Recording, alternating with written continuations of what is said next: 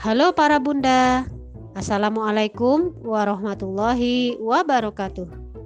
Selamat datang dan selamat mendengarkan kajian tematik pendidikan berbasis fitrah untuk fitrah kebundaan dalam program pendampingan Bunda Hebat, Bunda Bahagia.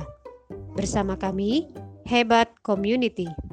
Saya, Bunda Desi, selaku pengantar menuju ruang dengar Anda, mengucapkan Selamat menikmati dan selamat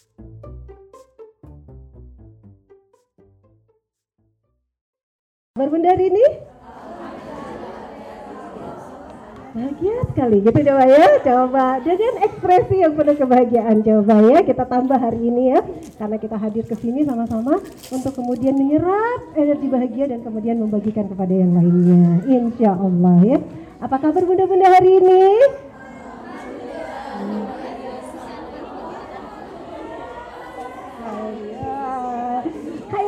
Ekspresinya belum keluar dengan tulus gitu ya ini egonya masih tersimpan di level keberapa? Masya Allah. Alhamdulillah. Alhamdulillahirabbil alamin. Wa bihi nasta'inu ala umuri dunya waddin wa sallallahu ala Muhammadin wa ala alihi wa sahbihi ajma'in. Alhamdulillah kita panjatkan puji syukurnya kehadirat Allah Subhanahu wa taala. Hari ini kita bisa berkumpul di ruangan ini insyaallah. Mudah-mudahan menjadi pertemuan yang diberkahi insyaallah ya. Apa dengan pisau? Ya dan uh, kita semua betul-betul bisa menjadi hamba Allah istri, ibu sekaligus anak ya yang dijabah doa sapu jagatnya. Bahagia dunia dan bahagia akhirat. Ya amin ya rabbal alamin. Uh, Umi akan berbicara tentang luka. Biasanya gambaran luka itu yang menoreh luka ini pisau. Ya kan ya yang menoreh luka ini kan pisau. Kita akan berbicara sedikit tentang tazkiyatun nafs. Tapi kalau e, berbicara tazkiyatun nafs kayaknya berat banget gitu. Jadi hari ini kita nggak berbicara yang berat-berat, santai-santai aja, fun-fun saja. Luka itu bukan sesuatu yang mengerikan. Nah, ya. Luka bukan sesuatu yang mengerikan untuk kita, akan tetapi memang perkara yang akan kita hadapi, ya, sesuatu yang harus kita hadapi kemudian juga kita obati hmm, ya bahkan menjadi satu karunia menjadi satu karunia yang sebetulnya itu kita butuhkan Nah, boleh jadi ya, boleh jadi akan menjadi karunia yang kita butuhkan. Jadi hari ini bagaimana membasuh luka? Episode tazkiyatun nafsnya. Karena dalam kehidupan berumah tangga setelah kemarin di uh, eh, WA group Tuh banyak sekali ya curahan-curahannya. Sengaja nih Umi uh, apa mencoba untuk banyak bertanya ya. Kenapa sih banyak bertanya? Karena uh, kita perlu memberikan apa istilahnya mah respon ya. Itu dengan mengetahui dulu kan. Gak mungkin uh, bukan kita berarti dokter bukan ya. Uh, gak mungkin seorang dokter itu uh, memberikan obat. Uh, ya.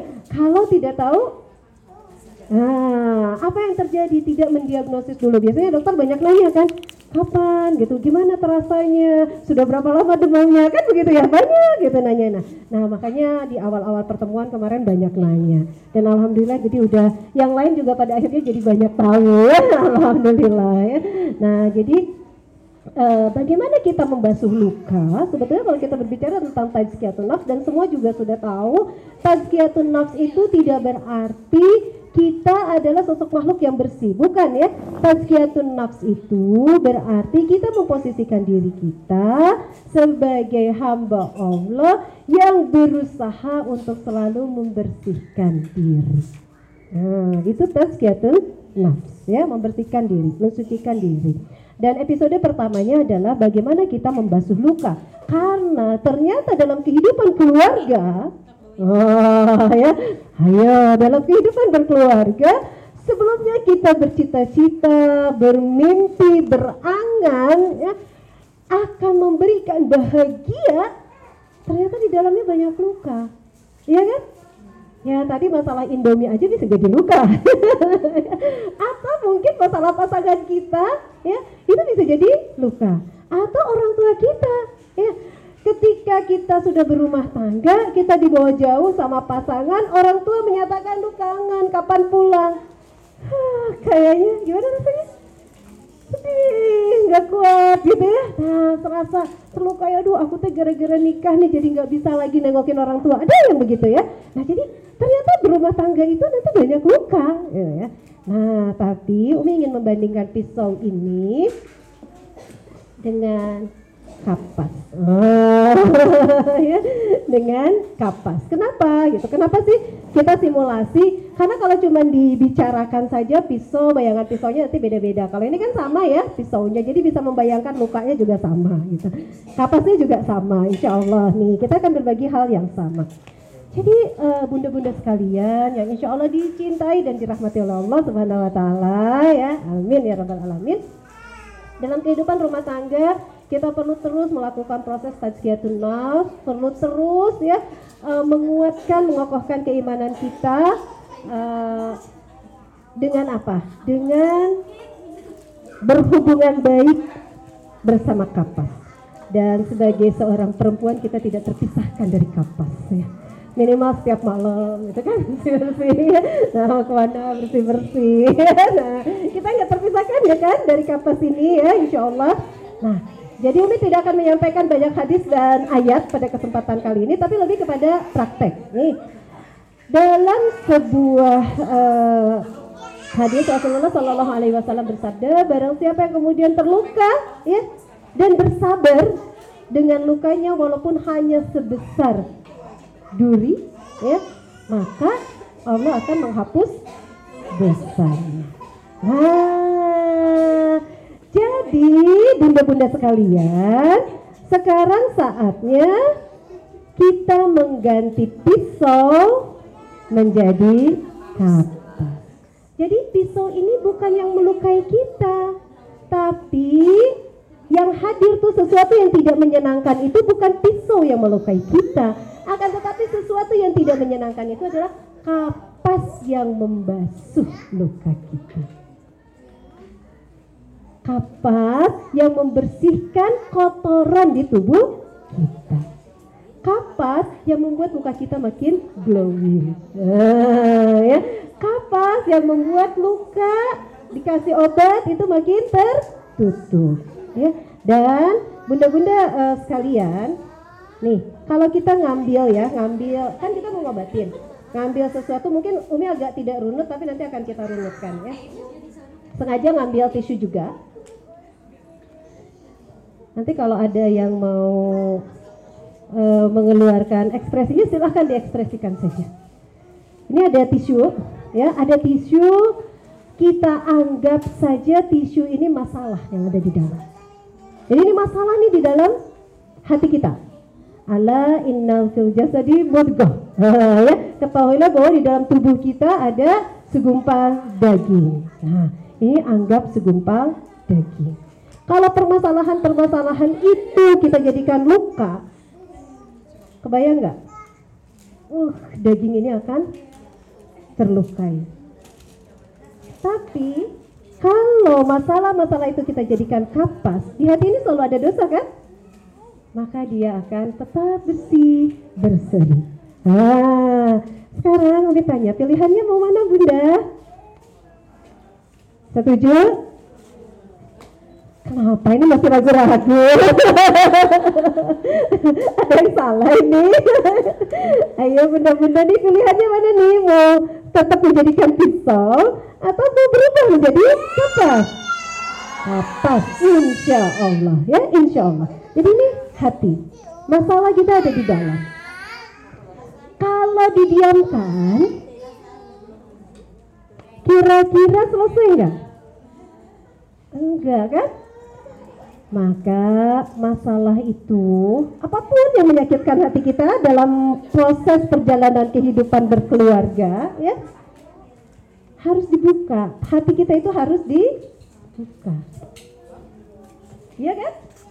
Nah, sekarang Bunda bayangkan begini. Ini ada gelas. Kalau dikasih garam sesendok, rasanya gimana?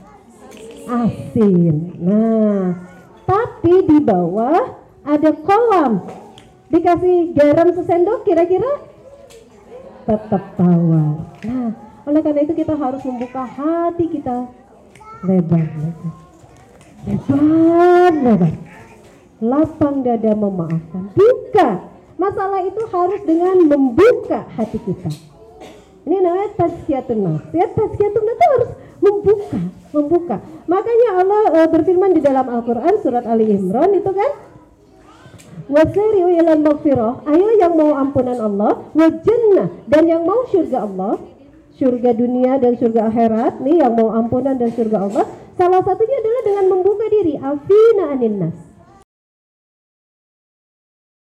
Eh, jadi nggak boleh cepet-cepet.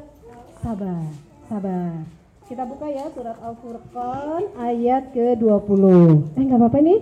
Umi agak sedikit uh, membuka surat Al-Furqan ayat ke-20 di penghujung ayatnya. Kita buka penghujung ayat surat ke-25 ayat ke-20. Ya, sama-sama membaca dan mendapatkan kebaikan. 10 kebaikan dari setiap huruf. Ya. Sudah ketemu ayat ke-20? Halaman 361 kalau yang Qur'annya sama, ya. Insya Allah ayat yang ke-20 nanti Bunda bisa tulis ya, bisa tulis, bisa ditandain. Ini surat yang luar biasa. Kalau kata Umi berkaitan dengan tazkiyatun nafs, berkaitan dengan interaksi kita dengan sesama. Allah berfirman, "A'udzubillahi minasyaitonirrajim." Ya. Ujungnya nih di ujungnya. Wa ja'alna ba'dakum li ba'din fitnah. Dan kami jadikan kata Allah sebagian kamu sebagai cobaan bagi sebagian yang lain. Ini Allah ya. Dan kami jadikan sebagian kamu menjadi cobaan bagi sebagian yang lainnya. Atas biruna kata Allah ya. Maka apakah kamu tidak mau bersabar? Nah ya. Wa kana rabbuka basira. Sesungguhnya Allah Maha melihat. Nah, jadi bunda-bunda sekalian, berkaitan dengan permasalahan kita, ayo kita buka masalah itu dengan dada yang lapang, ruang yang lapang, pelan-pelan diambil dengan penuh kelembutan, genggam masalahnya. Harus digenggam, harus dipegang, harus dirangkul, baru kita buka pelan-pelan. Sempurna gitu ya deh rasanya ya. Nah kan sangat beda ya hasilnya. Coba kita lihat. Tuh beda kan ya. Jadi proses awal dalam tazkiyatun nafs dalam membasuh luka kita harus merubah cara pandang kita. Ya cara pandang kita. Masalah bukan luka. Masalah yang Allah hadirkan kepada kita adalah kapas lembut yang akan membersihkan noda. Ya, membersihkan noda. Itu itu yang harus kita rubah. Kemudian kita harus mengeluarkan masalah itu, tidak boleh disimpan. Kita harus mengeluarkan masalah itu. Dan mengeluarkan masalah tidak bisa dengan lubang yang kecil tapi harus dengan jiwa yang lapang dengan yang terbuka masalah ini harus digenggam semuanya nggak boleh sedikit sedikit ya nah kemudian keluarkan dengan perlahan dengan sentuhan cinta sehingga kita bisa bahagia semuanya setelah itu kok kapas nih tisu udah dipakai Kira-kira apakah mau disimpan sebagai koleksi? Oh, mau dipajang kayaknya buat kenang-kenangan. Enggak ya? Diapain coba? Dibuang. Buang sejauh-jauhnya, lupakan. Selesai. Tring tring. Sudah, sekarang tinggal cerita. ya seperti itu. Semudah itu sebetulnya. Ya. Bisa bisa kebayang nggak pun? Bisa ya? Bisa ya? Nah, jadi udah lupakan. kita kan biasanya udah nih, udah, tapi proses akhirnya ini tidak dilakukan. Sudah dibasuh lukanya, pelan ya, tapi ininya masih disimpan. Ya, masih ditaruh gitu. Nanti udah tiga tahun masih diingat-ingat kamu tuh dulu. Tahu nggak ya? Tanggal segini, tanggal segini kita masih inget-inget. Nah, jadi kalau dalam tazkiyatun nafs yang paling penting itu biasanya dalam semua dalam semua kegiatan biasanya paling penting itu awal sama akhir ya. Awalnya harus benar, akhirnya harus sempurna gitu kan. Nah, ini akhirnya nih yang suka ketinggalan. Jadi akhirnya itu kalau dalam tazkiyatun nafs masalah itu sudah kalau sudah selesai buang lupakan. Nah ya insya Allah. Nah jadi insya Allah bunda sekalian inilah uh, sedikit paparan yang bisa Umi sampaikan pada kesempatan kali ini sebetulnya ya hanya membuka saja tentang bagaimana membasuh luka dalam diri kita gitu. Siapa pun itu akan menjadi cobaan buat kita pasangan kita. Betul nggak? Punya masalah dengan pasangan? Ada yang nggak punya masalah dengan pasangan? Ada ya, ada masalah dengan pasangan. Contoh nih, ada seorang ibu dan seorang bunda yang dia itu pasangannya tuh luar biasa sangat menjaga. Karena kamu adalah tanggung jawabku dunia dan akhirat. Senang nggak bu? Senang nggak pun? Kalau pasangan kita, bunda, kamu tuh tanggung jawabku dunia dan akhirat. Senang gak bun? Senang. Tapi ternyata masalah bun. Heh? Ternyata masalah. Sampai kemudian curhat. Nih, masa aku harus laporan tiap 15 menit? Coba ya. Kasihan banget ya, pusing banget ya pindah nih pindah dari Warpas ke GSG Salman laporan yang aku sekarang di GSG pindah dari GSG klik lagi misalnya ke mana? Ke Masjid Pusdai yang sekarang aku di Pusdai sekarang aku di pasar. Sekarang aku di rumah. Semua harus laporan karena kamu adalah tanggung jawabku. Dunia dan masalah kan? Masalah ya. Ada nih, ada lagi seorang bunda yang kemudian dia itu suaminya begini. Kita bikin kontrak di awal ya. Kita saling mempercayai. Sok mau ke mana aja juga lah, nggak usah izin. Yang penting ada dalam kebaikan di jalan Allah. Nah, insya Allah Abi Mah Rido. Wah, misalnya ya insya Allah AA Rido, Mas Rido. Yang penting berada di jalan Allah. Masalah enggak? Masalah bun. Kenapa? Dibiarin sendiri. Diatur. Pergi tak sendirian. Mana yang lain sama suaminya? Suaminya mana? Hehehe. Aku kan tidak melakukan kemungkaran. Jadi dia memberikan kepercayaan. Nanti ketemu lagi, yang lain sama suaminya. Lah, kok sendirian? Nah, masalah bu. Ya. Jadi semua itu pasti ada masalah. Ya, masalahnya beda-beda kan? Masalahnya beda-beda. Nah, masalahnya beda-beda.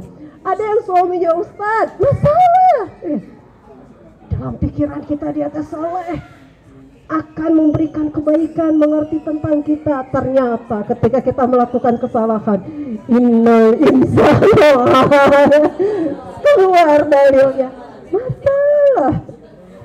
Sementara dalam pola pengasuhan atau interaksi ya dengan pasangan itu nggak bisa langsung to poin dengan nasihat kan ya kalau berbicara seru dengan pasangan itu punya banyak masalah. Ini berbicara tazkiyatun nafs berbicara masalah. Artinya kita ada masalah. Seperti yang tadi Allah sebutkan ya. Yang lain itu akan jadi ujian buat kita, fitnah buat kita. Pasangan, anak-anak, ya. Anak-anak belum kelar. Pakai baju ini sletingnya juga masih di sini. Belum selesai sampai di atas, ya mereka udah mah cepetan dong nanti kesiangan ah ya. Udah mah ini aku dong kamar mandi. Ah ya. Udah nggak tahan dan lain sebagainya. Salah ya dengan anak masalah. Banyak yang udah gede di WA kenapa nggak dijawab? Di telepon kenapa nggak diangkat? Oh ya. Masalah. Dengan anak masalah dengan orang tua dengan pasangan karena setiap orang akan jadi ujian akan jadi fitnah oleh karena itu rubah paradigma masalahnya rubah kita harus berani bilang kepada masalah, wahai masalah, aku punya Allah yang maha segala-galanya. Kita harus membangun keyakinan karena iman itu yakin. Yakin yang menolak keraguan-raguan. Kita harus yakin kita punya Allah yang maha segala-galanya. Nah, dan iman itu artinya menerima. Allah punya kehendak memberikan masalah kepada kita. Ya kita harus menerima. Karena kata Allah, apakah kalian akan dibiarkan begitu saja mengatakan beriman sebelum kalian diuji? Tidak kan? Nah ini fitrah keimanan. Keimanan itu akan diuji dengan berbagai permasalahan. Karena hidup ini adalah menyelesaikan dari satu masalah ke masalah yang lain. Faiza faragta fansab wa ila rabbika fargob. Selesai satu urusan, kerjakan urusan yang lain. Nah, seperti itu ya. Nah, jadi sekarang tinggal bagaimana kita menyikapinya ya. Nah, jadi inilah tazkiyatun nafs. Pada hakikatnya tazkiyatun nafs. Merubah paradigma. Bukan lagi pisau, tapi kapas yang membersihkan noda. Nah, kemudian kita buka dada kita lapang-lapang. Untuk bisa membuka, tadi kita sudah disampaikan oleh Teh Sofi ya. Untuk bisa membuka itu bagaimana ya? ya kita harus belajar untuk mengenali ego kita kita harus belajar untuk mengendalikan ego kita bahkan kita harus belajar untuk mengalahkan ego kita nah, untuk membuka itu gitu. ya, karena membuka itu bukan sesuatu perkara yang mudah nah, membangun kepercayaan, kemudian apalagi mencoba untuk menyelesaikan tadi berbagi kebahagiaan, oh itu bukan perkara yang mudah ya. Itu membuka, kita harus mulai membuka, mengalahkan. Dan Rasul tidak menyuruh dari yang lain, tapi ibda bi nafsi. Jadi kalau ada masalah, mulai dari diri kita sendiri. Ingat, ingat seperti ini. Kaidahnya para ulama mengatakan seperti ini. Tidak ada, ya tidak ada orang tua yang tidak baik kalau ada anak yang selalu berjuang untuk baik. Tidak ada anak yang tidak baik kalau ada orang tua yang selalu berjuang untuk baik. Tidak ada suami yang tidak baik kalau ada istri yang terus berjuang untuk baik. Tidak ada istri kalau ada suami yang terus berjuang untuk baik. Ini kaidahnya seperti itu. Kaidahnya seperti itu. Nah, jadi kita kalau kita ingin berbagi kebaikan dengan yang lainnya ya insya Allah sebagaimana yang Allah sebutkan di dalam Al-Quran kan kuntum khairu ummah kalian itu adalah umat yang paling baik yang paling the best oh rijat linnas yang Allah tunjukkan kepada semua manusia nggak hanya untuk pasangan kita nggak hanya untuk anak-anak kita tapi untuk seantero dunia. Apa bu? Ya apa pun yang harus kita lakukan tak muruna di batan hauna anil munkar kita terus melakukan kebaikan wa tu'minuna billah dan kita beriman kepada Allah subhanahu wa ta'ala. Nah jadi ayo kalau kita memang uh, ingin membasuh luka kita terus teguhkan keimanan kita keimanan kita artinya kita mengakui yakin yang menolak keraguan-raguan kemudian menerima apa yang menjadi ketetapan Allah terima Masalah ini kita terima. Apa yang menjadi ketetapan Allah? Terima. Setelah itu tunduk untuk menjalankan apa yang diperintahkan oleh Allah. Ini masalah nih kita terima dengan penuh. Karena kebahagiaan itu bukan masalah materi, tapi kebahagiaan itu masalah hati. Uh, ya, masalah hati. Kita terima. Dan kemudian kita tunduk selesaikan masalah ini dengan cara langit. Uh, ya selesaikan masalah kita dengan cara yang memang Allah kehendaki. Ya jadi tadi buka dada kita lapang-lapang. Kalau selesaikan masalah itu bukan dengan cara kita. Kalau cara kita kan ada masalah kita pengen langsung nembak ya kita terluka kalau kemarin ada istilah it takes to tango. Ya. Kalau kita terluka maka kaidahnya kisos. Kita juga harus melukai dengan yang setimpal dengan yang setimpal boleh. Begitu boleh. Dalam Islam juga boleh ya. Boleh. Nah akan tetapi itu tidak akan menuntaskan permasalahan. Nah ya jadi yang harus kita selesaikan tadi dibuka, kemudian diambil pelan-pelan, digenggam secara keseluruhan, diambil pelan-pelan. Kita bisa selesaikan, ya, insya Allah. Jadi artinya uh, merubah paradigma kalau membangun uh, membersihkan luka itu kita rubah dulu paradigma pisau menjadi kapas yang membersihkan noda. Kemudian langkah yang keduanya bagaimana kita membasuh luka adalah kita kembali kepada Allah Subhanahu wa taala. Kita menerima masalah yang memang Allah hadirkan kepada kita. Masalah ini Allah hadirkan kepada kita agar kita menjadi apa? Agar kita menjadi lebih pandai. Coba anak-anak SD ujian dikasih masalah kan?